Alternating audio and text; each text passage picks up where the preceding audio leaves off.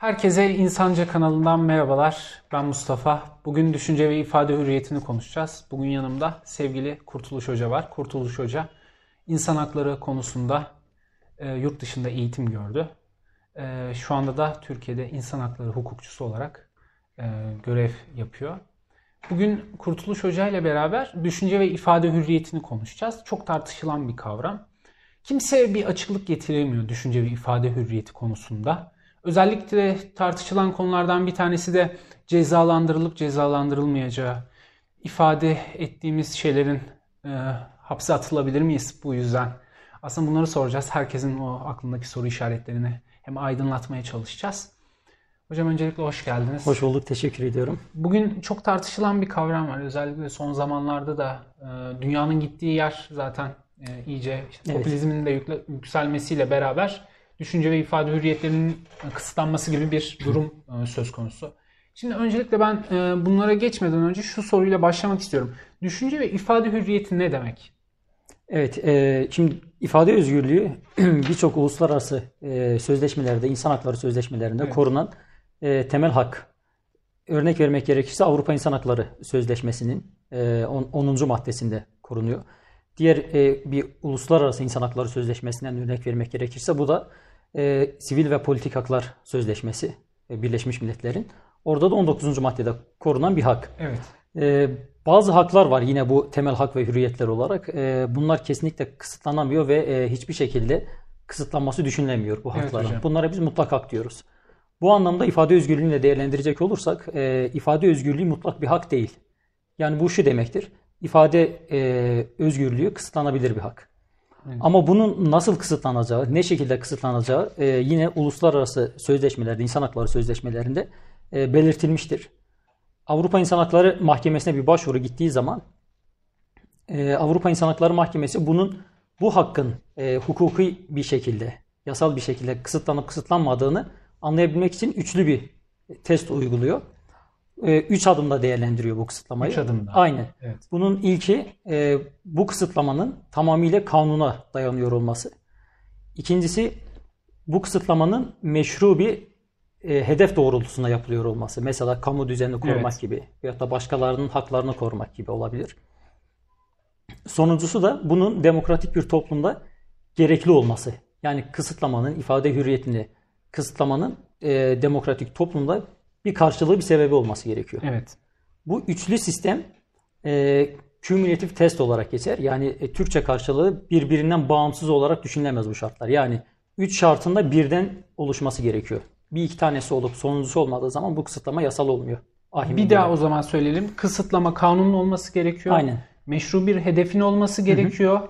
Ve demokratik bir toplum için öngörülebilir bir sebep, e, bir neden olması gerekiyor. Aynen öyle. Bu evet. üçlü sisteme tabi tutuyor. Bunun sonunda nihai kararını veriyor. Bu şekilde veriyor. Aynen. E, peki e, bu özellikle Avrupa Birliği'nden biraz gidelim. bu Avrupa'da bu sistem nasıl işliyor? Yani şey olarak cezalandırılabilirlik açısından mesela AHİM'in verdiği kararlar var mı? Mesela biz hep Türkiye'den duyuyoruz bu tarzda şeyler ama Avrupa Birliği'nde de kısıtlandığından dolayı işte verilmiş bir cezadır. E, o tarzda bir karar Anladım. rastladınız mı? Şöyle yani Avrupa tabii ki değişik ülkelerden evet. başvurular yapılıyor. Romanya'dan özellikle bu anlamda çok başvuru gidiyor e, Avrupa İnsan Hakları evet. Mahkemesi'ne. Ama orada daha çok e, Avrupa'da söylemleriniz, açtığınız pankartlar, evet, yaptığınız hocam. yürüyüşler ve bu yürüyüşlerde attığınız sloganlar yüzünden e, çok fazla bir kısıtlamaya, ifade hürriyetinin kısıtlanmasına çok fazla tanık olmuyorsunuz. Çünkü e, gerçekten de bir işte o sonuncu e, test yani o bahsettiğimiz evet. üçlü testin son aşaması olan yani demokratik bir toplumda gereklilik arz ediyor mu? E, genelde bunu değerlendirirken yani bir tweet atan bir insanın veyahut da konuşan bir insanın evet. direkt tutuklanma yani en son yani ceza yargılamalarında en son e, çare olarak tedbir olarak kullanılan tutuklanmanın ilk başta verilmesi düşünülmüyor. Yani evet. bizim ülkemizde tam tersi oluyor. Yani bir insan tweet attığı zaman, konuştuğu zaman, muhalif şeyler söylediği zaman özellikle e, direkt tutuklama tedbir olarak kullanılıyor. Evet, Halbuki hocam. E, bu bir gereklilik mi mesela? Şimdi ahimin standartlarını uygulamak e, durumunda kalırsak tutuklamanın direkt e, demokratik bir toplumda e, şart olmadığını biliyor evet. olmamız lazım. Çünkü buna değişik yaptırımlar olabilir. Yani değişik e, para cezası mesela Evet hocam. özellikle bu tür e, yaptırımlar olabilir. Direkt tutuklama ifade özgürlüğünde e, alınacak bir tedbir değil yani. Avrupa'da bu tam tersi işliyor. E, Peki buradaki e, işte bu kriterlerden bahsettiniz. Üç tane e, temel e, aldıkları bir kriter. Bu kriterin yorumlanması konusunda ne yapıyorlar? Onlar ne yapıyor, biz ne yapıyoruz? Yani şöyle ben e, bu sistemin Türkiye'de uygulandığını çok fazla düşünmüyorum. Evet. E, şöyle e, bir kişi tweet attığı zaman işte neyi eleştiriyorsa, neye karşı çıkıyorsa veyahut da hiçbir şeye karşı çıkmayıp eleştirmeyebilir. Sadece kendi düşüncelerini de söylüyor olabilir. Evet. Burada işte birini aşağılama, birine hakaret denilerek TCK'nın işte ilgili hükümleri uygulanıp Evet. direkt kişi e, cezalandırılıyor. Yani bu standartlar uygulanmıyor. Tam tersi olması gerekiyor halbuki bu standartlar ışığında. Yani bu kişinin attığı tweet e, ifade hürriyeti kapsamında mıdır, değil midir bunu değerlendirmek ancak bu şekilde olur. Zaten biz bunun e, bu Türkiye'deki e, ifade özgürlüğünün yani ifade özgürlüğü e, ihlal edilerek yapılan tutuklamaların Evet hocam. e, evrensel hukuka, insan hakları hukukuna uymadığını e, başvuruların ahim sürecinde görüyoruz zaten. Uluslararası mahkemenin verdiği kararların çoğunda Türkiye'de özellikle ifade özgürlüğü başlığı altında mahkum ediliyor çoğu Bu e, anlamda. dosyada. Yani buradan şunu çıkarıyoruz. Bu standartlar göz önünde bulundurulmuyor. İhlaller Evet. veyahut da şeyler e, tutuklamalar yapılırken. Evet hocam. E, peki bu e, muğlaklık dediğimiz bir şey var. Yani kanunun yorumlanması açısından biz çok geniş yorumluyoruz. Yani lastik Evet. gibi oraya da çekebiliyoruz, buraya da çekebiliyoruz. Özellikle Türkiye'de e, bir zamanlar tartışılan, şimdi hala da tartışılan 301. e, madde dedikleri Türklüğü aşağılamak Evet. e, tarzına bir madde vardı. Hatta bu sebeple e, hani tabiri caizse ilk düşünce şehidi Evet. diyebileceğimiz Hrant Dink'i maalesef e, Aynen. katledilmişti. O gün Samas e, şey ifadesinde dedi ki e, ben dedi e, etkilendim onların sözünden. E, Evet. o, o halbuki öyle bir şey dememişti. E, Hrant Dink farklı bir şeyi kastetmişti. E, O medya onu şişirdi, şişirdi, şişirdi. En sonunda maalesef ölüme kadar, cinayete kadar gittim. Bu anlamda muğlaklık yani lastik gibi çekilebiliyor. Onun e, nasıl yorumlam şey yapabilmemiz gerekiyor? Yani evet dar yorumlamamız gerekiyor ama biz neden dar yor- yorumlayamıyoruz? Mesela Avrupa dar yorumluyor ama biz e, halbuki dar yorumlaması gerekiyor. Bunu hakimin yapması gerekiyor. Burada araya bir şey mi karışıyor ya da toplumun bir gazı mı var? Yani hani işte bunu tutukla, tutukla, tutukla diye. Ya hiç şüphesiz yani aslında mahkemelerimiz tam bağımsız mahkemeler olarak görev yapması gerekiyor. Evet. Yani bir kamuoyu baskısıyla e, veyahut da bir e, siyasi baskı altında karar vermemesi gerekiyor hiçbir mahkemenin.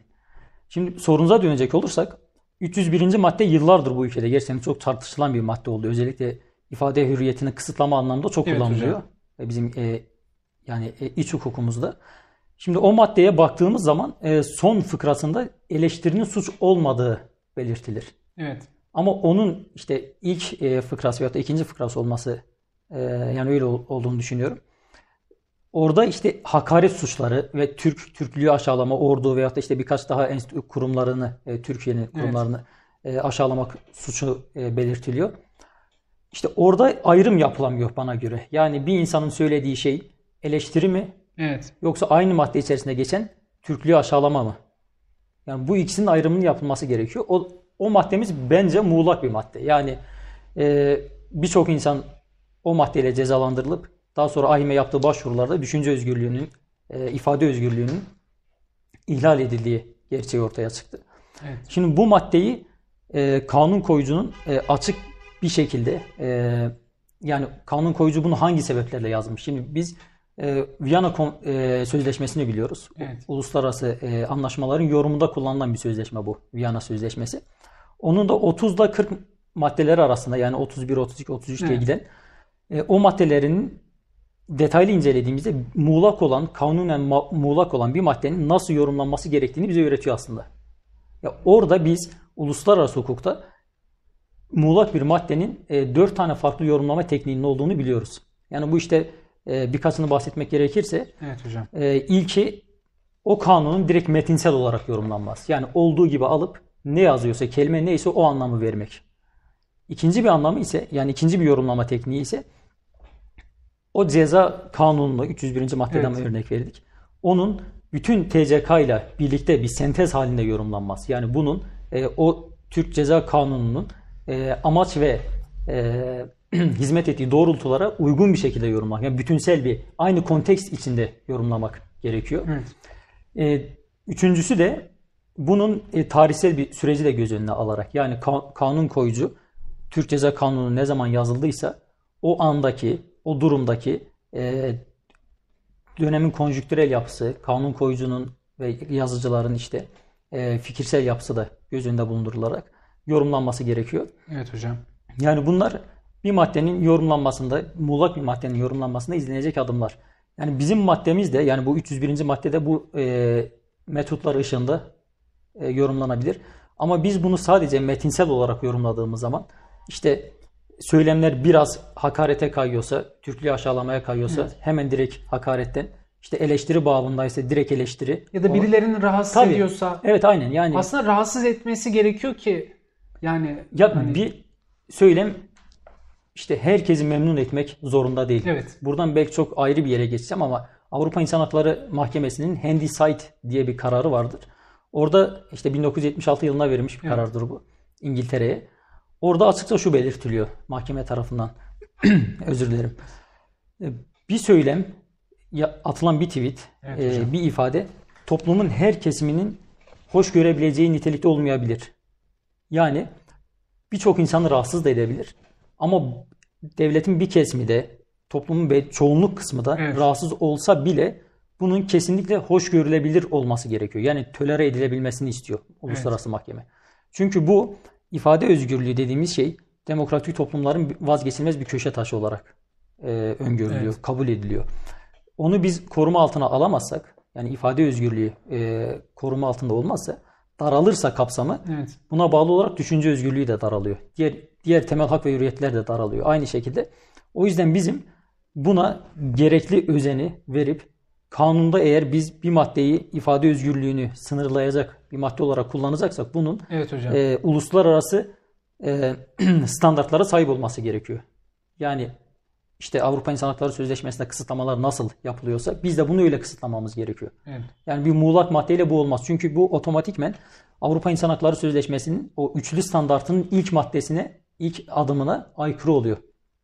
Yani parlamentodan geçmiş bir yasayla sınırlandırılması gerekiyor. Evet doğru TCK bu standartlara göre yazılmıştır ama uluslararası düzeyde insan hakları hukuku düzeyinde bu evrensel normlara hitap ediyor mu? Bunu ölçmek gerekiyor. Onu aslında yakalayabilmemiz gerekiyor. ki- Tabii yani şu andaki itibariyle etmiyor. Çünkü bunu e, birkaç defada işte e, Türkiye Cumhuriyeti bu yasayı değiştirme yoluna gitti ve değiştirdi. Evet. 301. madde çok fazla değişime uğradı. Şundan dolayı Avrupa İnsan Hakları Mahkemesi'nin e, ısrarı üzerine, verdiği ihlaller üzerine bu maddeyle alakalı. Evet hocam. E, Türkiye'de gerekli adımlar attı o dönemde. Ama bu değişim kelimelerin modifiyesinden öteye geçmedi. Yani kelimelerin değişiminden başka bir şey teşkil etmedi. Tam anlamıyla değiştirmek lazım maddeyi. Tam anlamıyla uluslararası hukuk standartlarına getirmek gerekiyor. Öyle olduğu zaman zaten e, muğla- muğlaklık ortadan kalkacaktır ve uluslararası hukuk standartlarında bir e, sınırlamaya sahip olmuş olacağız. Önceden 301. maddede e, savcılar gidiyordu.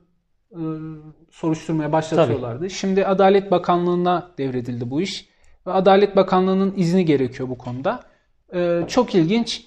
Bir döneme kadar hiç verilmedi bu tarzda izinler Adalet Bakanlığı tarafınca.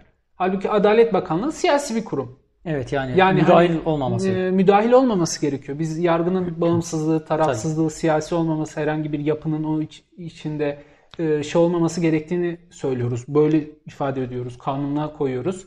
Ama bir taraftan bakıyorsunuz özellikle işte e, son 3-4 senedir Adalet Bakanlığı bu konuda 301. maddeden dolayı hep izin veriyor. Bir zamanlar vermeyen Adalet Bakanlığı şimdi izin veriyor.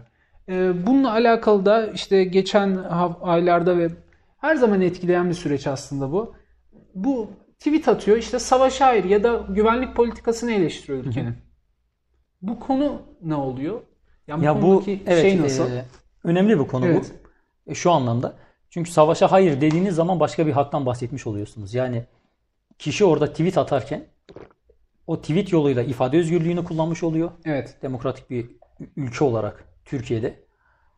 Bir diğer yandan da savaşa hayır dediği zaman orada e, vicdani red hakkını yani hocam. uluslararası sözleşmeleri yine Avrupa İnsan Hakları Sözleşmesi'ne garanti altına alınmış bizim de taraf olduğumuz mahkemenin yani tarafsızlığını da kabul ettiğimiz bir mahkemenin e, sözleşmesinde bu geçiyor. Avrupa evet. İnsan Hakları Sözleşmesi. E, böyle bir hak varsa eğer ve biz bunu imzalamış taraf olmuşsak, onaylamışsak Evet hocam. Bize devlet olarak düşen yükümlülükler vardır. Yani bu uluslararası insan hakları hukukunda pozitif ve negatif e, sözleşmeler yani e, yükümlülükler, yükümlülükler olarak ayrılıyor. Pozitif yükümlülük dediğimiz şey bir devlet uluslararası sözleşmelere, insan hakları sözleşmelerine imza attıktan sonra orada yasal düzenlemelere giderek evet. işte o sözleşmelerin iç hukukumuzda Türkiye Cumhuriyeti sınırlarında yaşayan bütün vatandaşlar, bütün yurttaşların evet, o hocam. haktan eşit ve adil bir şekilde yargılanacağına, şey, e, faydalanacağına e, kanaat getirmesi gerekiyor. Evet, yani hocam. bunu sağlaması gerekiyor bir devletin. Şimdi Türkiye e, vicdani reddi kabul ediyor. Evet. Buna kesinlikle karşı değil. Ama işin sıkıştığı nokta yasal düzenlememizin olmaması. Mesela vicdani reddini açıklayan insanlar şu anda yargılanıyor. Evet. Ve bunların e, belli haklarını koruyan, onların işte başvuracağı, gitmesi gereken yerleri veyahut da bu haktan nasıl faydalanacağını gösteren bir yasal düzenleme yok. Burada devletin e, pozitif bir yükümlülüğü vardır. İnsan Hakları Sözleşmesi'nden doğan. Bunu yerine getirmesi gerekiyor. Peki mesela hocam şöyle bir şey yapamıyor mu işte? Uluslararası bir sözleşme var. Ya ben diyor bunu tanımayacağım. Ama mesela altına imzalamış. Ben diyor iç hukukunda bunu yapmayacağım. Böyle bir şey diyebilir mi? Böyle bir hakkı var mı devletin? Öyle bir şey diyemiyor. Yani şundan evet. dolayı. Çünkü e, imzalamak ayrı bir şeydir. Evet. Onu tamamıyla onaylamak yani ratification diye geçen kavram ayrı bir şeydir. Yani onu onayladığınız andan itibaren iç hukukunuza bunu e, geçirmeniz gerekiyor ve uygulamanız gerekiyor. Yani ben Avrupa İnsan Hakları Sözleşmesi'ni imzaladım ama uygulamıyorum. Böyle bir şey mümkün değil. Evet. Çünkü bunun e, Avrupa İnsan Hakları Mahkemesi'nin uygulama e, infaz bölümü de var. Evet. E, dolayısıyla e, o sözleşmede geçen hakların hepsi koruma altına alınmalıdır. Türkiye tarafından ki öyledir. Evet. E, ve bununla alakalı da yasal düzenlemelerin yapılması gerekiyor. Yine anayasa madde 90'da uluslararası sözleşme ile e, kendi iç hukuk yolumuzda bir kanunun e, bir şeyin çatıştığı zaman uluslararası sözleşmenin e, baz alınacağını ona şey yapılacağını Doğru. söylüyor. Ona rağmen hala insanlar şey yapabiliyorlar. içeride durabiliyorlar. İçeri atılıyorlar. Şimdi bir de raporlar var. Yani bu çıkan raporlara bakıyorum. İşte basın özgürlüğü. Yani basın özgürlüğü mü sadece basın özgürlüğü anlamında değil. Evet. Gazete açıp açmamak işte televizyon e, kanalı kur, kurmamakla alakalı bir şey orada parametre olarak e, şey yapmıyorlar. Orada düşünce ve ifade hürriyetini baz alarak o parametreyi kullanarak basın özgürlüğü var mı yok mu? O şekilde evet. raporlar yayınlayan uluslararası kuruluşlar var. Ve onda çok ilginç Türkiye işte 180 ülke içerisinde 157. sırada, 100. sırada, 120. sırada e, hep böyle geriye giden bir şey var. İvmesi mi? Evet, ya da geriye düşüyor. Hep dibi gör, görüyor. E, bu anlamda bir yazı yazmak suç mu? Bir siyasiyi eleştirmek suç mu? Ya tam tersi değil. Yani e, sürekli Avrupa İnsan Hakları Sözleşmesi'nden, Avrupa evet. İnsan Hakları Mahkemesi'nden bahsediyoruz. Bunun e, suç olmadığını, yani Avrupa İnsan Hakları Mahkemesi'nin verdiği bütün kararlarda, evet. uluslararası verdiği diğer kararlarda biz bunu zaten açıkça görüyoruz. Mahkeme kendisi şunu şöyle ifade ediyor. Toplum önünde olmayı seçmiş kişiler, yani siyasilerden bahsediyor. Evet hocam. Medyanın çok fazla önünde olan kişiler belli eleştirileri belli ölçüde kabul etmek, tolere etmek zorundadır. Evet. Yani bir insan diyelim ki ben kendimi siyasi olarak kabul edeyim bir anlık. Evet. E, sıradan bir insan benimle alakalı bir yazı yazdığında işte beni eleştirdiği, aşağıladığı evet bir yazı yazdığında benim bunu belli ölçüde tolere etmem gerekiyor. Bunu biz nereden biliyoruz? Mesela bir gazeteci e, gazetesinde haber yaptığı zaman bir siyasiyle alakalı, onun evet. özel hayatıyla da alakalı olabilir bu yaptığı haber. Evet. Veyahut da kişilik haklarına e, saldırı mahiyetinde de algılanabilir bu. Böyle bir durum olduğu zaman Avrupa İnsan Hakları Mahkemesi bunu e, iki şekilde ele alıyor. Yani bir yandan basın özgürlüğü, evet. bir diğer yandan da özel hayatın ihlali söz evet. konusu oluyor bu, bu tür durumlarda. Orada işte Avrupa İnsan Hakları Mahkemesi'nin geliştirdiği bir sistem var. Yani buna adil denge kriterleri diyor. Evet. 8 veyahut da 7 tane şeyden oluşuyor. Adımdan oluşuyor böyle. Evet. Onların hepsi büyük bir titizlikle inceleniyor mahkeme tarafından. Ve bu dengenin, bu adil denge kriterlerinin uygulanıp sonuna varıldığı zaman hangi tarafın daha e, haklı olduğuna mahkeme karar veriyor. Ama biz bunun Avrupa İnsan Hakları Mahkemesi'nin pratiğinden hep ifade özgürlüğünü savunan evet. kişinin daha haklı olduğunu görüyoruz. Çünkü e, mahkemenin pratiği o yönde. Evet. Yani dolayısıyla ifade özgürlüğü burada başka bir hakla çatışabilir, çelişebilir yani. Bu durumda evet. da Avrupa İnsan Hakları Mahkemesi'nin dediğim gibi o e, standartı var. O denge testi var. Birisine hakaret ettiğimiz zaman mesela tazminata hükmedebilir. Ama içeri atmak çok da adil Tabii. bir şey. Değil. Orantılılık ilkesiyle de Tabii. E, hiç e, şey olmuyor. Yani direkt yani, bir eleştiri, bir hakaret evet. hemen hapisle sonuçlanması doğru değil. Yani insan hakları hukukundan, evrensel hukuk açısından doğru değil. E, o anlamda öyle de bir sıkıntı Hı. var. Bir diğer konumuz ise aslında bu ulus şey hem siz de yurt dışında olduğunuz, Hı. orada yaşadınız, orada okudunuz. Şimdi oradaki yaklaşım nasıl? Mesela oradaki çevrenizde mesela arkadaşlarınız vardı yabancı. Orada sizinle beraber derse giren vesaire. Orada onların ülkelerinde neler yaşanmış? Yani or, or, Avrupa'da ne oluyor mesela? Avrupa'da işte siz mesela nefret söylemi diye şu an tabir edilen işte böyle e, işte ben şunları sevmiyorum ya da işte bizde çok tartışılan işte ya da bir gazeteci içeri atılıyor mu? Ya da orada da mesela baskı mı var mesela? Devlet bir baskı mı uyguluyor vatandaşlara? Şunu demeyeceksin, benim dediğimi diyeceksin. Ya tam tersine orada öyle bir baskı yok. Yani insanlar istediği evet. gibi pankart açıp istediği gibi işte yönetimi, iktidarı eleştirebiliyorlar. Evet. Ve eleştirebilmeleri de gerekiyor zaten. Herkes evet. e, bir taraf gibi düşünmek zorunda değil. Yani dolayısıyla orada o tür insanların yaptığı bu çünkü bunlar ifade özgürlüğüdür. Yani bir halkın bir kesimi ya da bir evet. insan pankart açıp e, işte tweet attığında, roman yazdığında, şiir yazdığında bunlar da bunlar üzerinden kendini ifade eder. Bu bir ifade ara Hrant Dinkler vesaire 2005-2002 ee, yıllarında olması gerekiyordu Hı-hı. zannediyorum. Ee, hep böyle adliye koridorlarına gittiler, geldiler. Evet gittiler. doğru yani. Yani işte bugün e, bir şey bir video görmüştüm. Ee, Yaşar Kemal. Yaşar evet. Kemal de yani bu anlamda eziyet çeken şey. Hatta işte Mehmet Ali Birant soruyor diyor işte Almanya sizi yukarıda tutarken siz niye böyle içeri atılıyorsunuz Türkiye'de? Gel Doğru. Mi? Ya edebiyata kısmen evet. değindiğiniz için söylüyorum.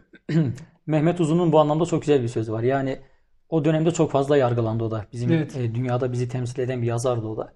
E, hiçbir şey diyor bu ülkede kelimelerden daha pahalı değil. Yani kelimelerin kullanmanın, kelimeleri örgütlemenin çok evet. ağır bedeller vardır bu ülkede.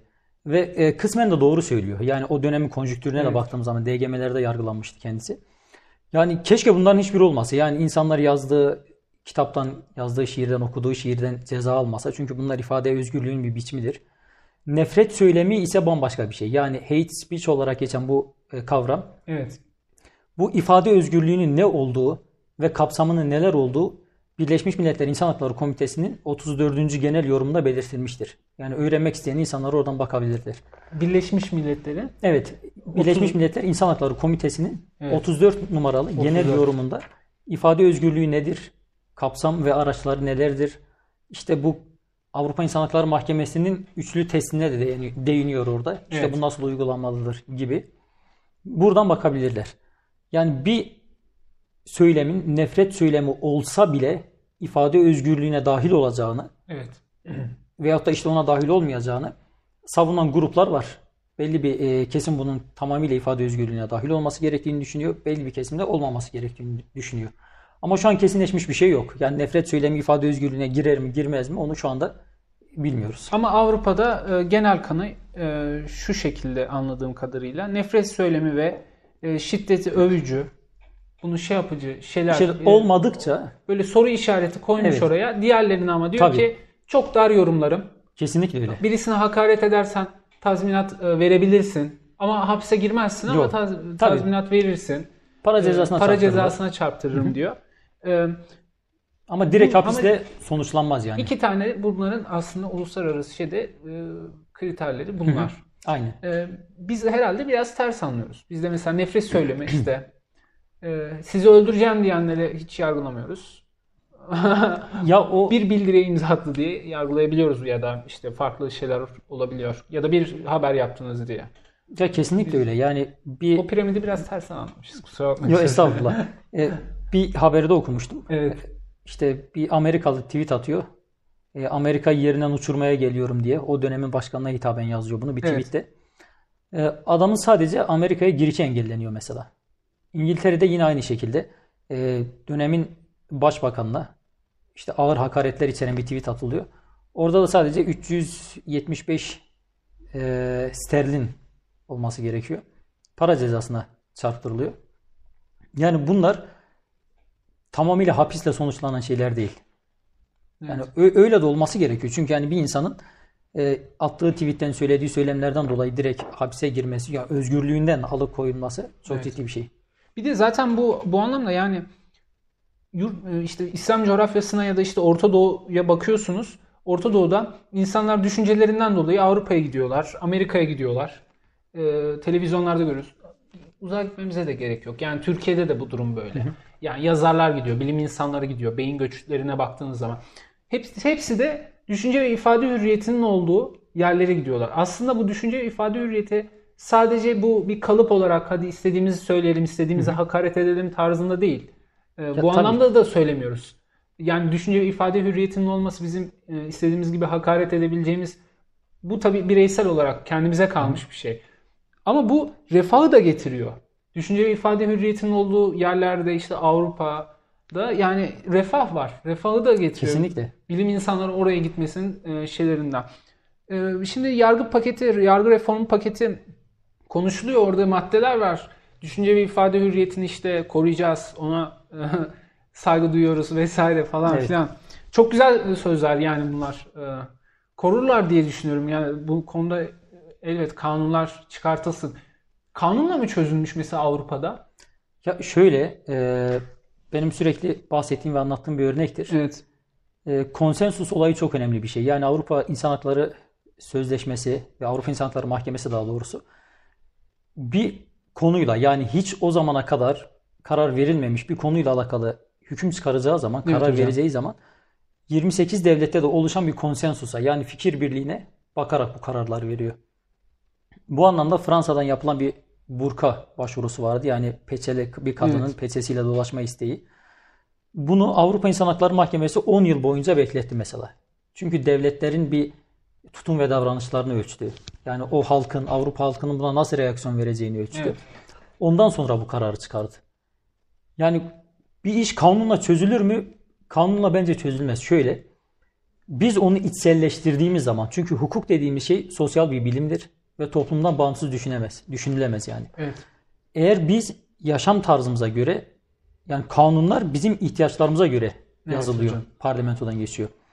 Biz eğer ifade özgürlüğünü kendi içimizde, yaşantımızda e, uygulanabilir hale getirirsek evet. bu zaten e, kanunda yazılır. Yani parlamentodan geçmesi çok zor değil. Bir yasanın yapılması çok zor bir iş değil.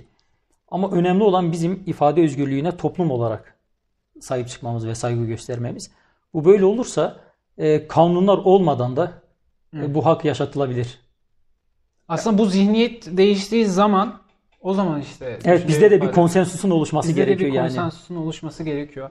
Yani platformun ismi işte insanca. Aslında insanın insanca yaşayabildiği bir dünya ulaş, olabilmesi için aslında konuşmamız gerekiyor. Farklı fikirlerin, evet. farklı kültürlerin bir masada oturup anlat Kesinlikle. ya seni dinliyorum. Söyle benim hakkımda ne düşünüyorsun? Söyle ne istiyorsun? Evet. Bunu sağlayabildiğimiz zaman aslında dünya e, daha yaşanılabilir. İşte bu ülke, bu coğrafya daha yaşanılabilir bir hale geleceğini e, inanıyoruz. Öyle o şekilde düşünüyoruz. Ya bizim ülkemiz gerçekten zengin bir ülke. Evet. Yani insan kaynakları açısından zengin, doğal güzellikleri açısından zengin ve biz Türkiye'de e, aynı bayrak altında yaşayan Evet hocam. farklı e, halklardan oluşuyoruz. Yani bu ülkede Türk halkı var, Kürt halkı var, Ermenisi var, bir sürü değişik ırktan e, halklarımız var. Ve bunların kendileriyle getirdiği farklı kültürler var, farklı diller var. Evet. Kendilerini ifade ettiği dilleri var bu insanların. E, bunların hepsini yani siz benim yanımda bir farklı dille konuştuğunuz zaman benim e, size garip bakmamam gerekiyor. Yani evet. saygı duymam gerekiyor. Biz bunu başarabildiğimiz zaman dillerimizi, kültürlerimizi kabul evet. ettiğimiz zaman daha rahat bir ülke oluyoruz. Daha ferah bir ülke oluyoruz. Refah seviyemiz de artmış oluyor. Çünkü en e, kötü şey bence bir insanın düşündüklerini söyleyememesi. Evet. Çünkü gelişim olmuyor böyle olursa. Gelişim olmuyor evet. İnsanlık Tabii. gelişemiyor. O ülke işte demokratik toplum dediğimiz. Yani belki mesela 100 sene önce yaşasaydık demokrasi nedir dediğimizde ya da demokratik toplum nedir dediğimizde seçme ve seçilme hakkını evet. kullanabilme. Ama kavramlar evrimleşiyorlar. Kesinlikle. Demokrasi yani mesela demokratik toplum diyoruz ama Avrupa'daki bir demokratik toplum anlayışıyla Türkiye'deki bir demokratik toplum anlayışı birbirinden e, farklı. Aslında biz o standartları yakalayabilmemiz, dünyaya ayak uydurabilmemiz açısından. Kesinlikle öyle ve biz e, bu standartları yakalarken bir şeylerden taviz vermeyeceğiz. Yani insanlar evet. şunu yanlış algılamasınlar. Yani biz işte farklı dillere müsamaha gösterdiğimiz zaman ülkemiz bölünmeyecek. Evet, farklı Çünkü, fikire şey evet, olduğu söylediği zaman bölünmeyecek. Yani bu adam benim gibi düşünmüyorsa benim düşmanımdır gözüyle bakmak yanlış bir şey. Evet. Yani farklı düşüncelerin, farklı dillerin, kültürlerin e, aynı masada, aynı ortamda ifade edilebilmesi çok güzel bir şey. Zenginlik çünkü bunlar. E, bizim de e, ülkemiz böyle bir zenginliğe sahip. Evet hocam. Yani bu zenginliği kör etmek yerine bence daha fazla sahip çıkmak Çok gerekiyor. ürkek yaklaşmamak gerekiyor. Yani Tabii. böyle korkarak ya şunu da söylerse eğer bölünürüz, şunu da söylerse biteriz, mahvoluruz. Yani aslında ağlamanın bir manası yok. Söylesin tez, antitez, sentez. Evet. O tezini sunsun. Sen antitezini ver. Ortaya bir şey çıksın. Bir e, sonuç elde edin. Ama işte körler tabiri evet. caizse körler sarılar birbirini ağırlar. Çok iyiyiz, çok iyiyiz. Ama işte öyle gözükmüyoruz yani. Ya kelimeleri e, daha sonra işte şiirleri, kitapları evet. e, bir silah olarak görmemek gerekiyor. Yani bunlar hiçbir zaman hiçbir dünyanın hiçbir yerinde bir ülkeyi bölmedi. E, şarkılar evet. da öyle. Yani dolayısıyla bunlar hep ifade özgürlüğünün bir e, aracı olduğu için bahsediyorum bunları. Evet. E, bunlar ne kadar fazla olursa, ne kadar çok olursa ve ne kadar farklı olursa bizim için o kadar iyi olur. O kadar e, demokratik bir ülke olmuş oluruz. Ee, bir kitap var Mustafa Akyol'un e, yanlış hatırlamıyorsam kitabın ismi Özgürlüğün Yolu tarzında. E, özgürlük yolu da değil de e, Orta Doğu'yu anlatan bir kitap. E, nasıl Orta Doğu'daki bu marjinalleşme vesaire terör nasıl biter? Nasıl şey olur? Orada diyor ki özgürlük. Özgürlüğü vereceksiniz. Evet. İnsanlar düşüncelerini, fikirlerini, hayat tarzlarını rahatça yaşayabilecekler. Diğer türlü anarşiye kaçıyor, terörizme kaçıyor. İfade Baskı etmek için hissediyor insanlar. Daha doğrusu şu, şu şekilde söyleyeyim. Ee, bu şekilde söylemem daha doğru olacak. İnsanlar evet ben de buradayım. Bakın siz beni dinlemiyorsunuz. Dikkat evet. çekmeye çalışıyor. Eline silah alarak ya da işte farklı şeyler yaparak çok gayrimeşru işlere bulaşarak. Aslında onun bu şekilde önüne geçebilmenin tek bir yolu var. O da düşünce ve ifade hürriyetine evrensel hukuk perspektifinden, standartlarından, belki de daha üstünden. Yani o bizim zihinlerimize kalmış. Çünkü işte coğrafyaya baktığın zaman farklı kültürleri yaşayan bir e, şeyden bahsediyoruz. Evet yani yerden bahsediyoruz yani. Yine millet milletten de bahsediyoruz işte. E, bir baktığınız zaman işte Mezopotamya burada. Tabii yani e, ifade özgürlüğüne en çok e, ihtiyacı olan toplum bizim. Aslında toplum. uygulaması gereken evet, toplum uygulamamız gerek. Çünkü e, bir farklı yani bir coğrafyadan bir coğrafyaya evet. gittiğiniz zaman farklı diller duyabiliyorsunuz. Yani bu çok güzel bir şey.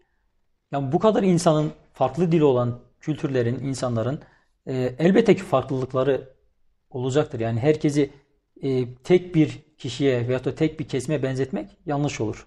Evet. E, dolayısıyla bunları hepsini e, anayasamızda, insan hakları sözleşmelerinde geçen haklarında eşit derecede faydalanacak şekilde e, bir arada tutmak gerekiyor. Çünkü öyle olursa biz daha e, rahat ve daha gelişmiş bir toplum olur. Çünkü ifade özgürlüğü dediğimiz şey demokratik toplumun ayrılmaz bir bütünüdür yani tamamlayıcısıdır. Evet. Ayrılmaz birbirinden yani o iki şey. Kesinlikle. Hocam çok teşekkür ederim geldiğiniz için. Ben teşekkür ediyorum. Ee, bugünkü konumuz düşünce ve ifade hürriyetinin e, ikinci bölümüydü. Bir bölümünü yayınlamıştık. Bir video serisi halinde. Bugün ne konuştuk? Düşünce ve ifade hürriyeti neydir, ne değildir? Avrupa'da nasıl anlaşılır? Ee, uluslararası sözleşmelerde ne vardır, ne yoktur? Buna baktık. Vicdan red, savaşa hayır konusu, ee, yine hakeza işte tweet atmaktan dolayı hapse girilir mi girilmez mi? Gazeteciler raporlardan bahsettik bugün. Ee, dünyada insanca yaşayabilmek istiyorsak e, tek bir yol var. Konuşacağız. Kesinlikle. Sadece konuşacağız. Ee, birbirimizi anlamaya yani anlayabilmemiz için anlamamıza da gerek yok aslında. Konuşursak zaten bir şekilde anlaşırız. E, anlaşacağız yani. Evet. Bir, bir şekilde birbirimizle tahammül sınırları olması gerekiyor. Bizi izlediğiniz için çok teşekkür ederiz. Bu sefer farklı bir şey diyelim. Ee, videoyu eğer beğenmediyseniz beğenmeyin. Ee, eleştirileriniz varsa da eleştirilerinizi de yazabilirsiniz. Çok mutlu oluruz. Hocam tekrardan teşekkür ederim. Ben teşekkür ediyorum. Kendinize iyi bakın. Görüşmek üzere.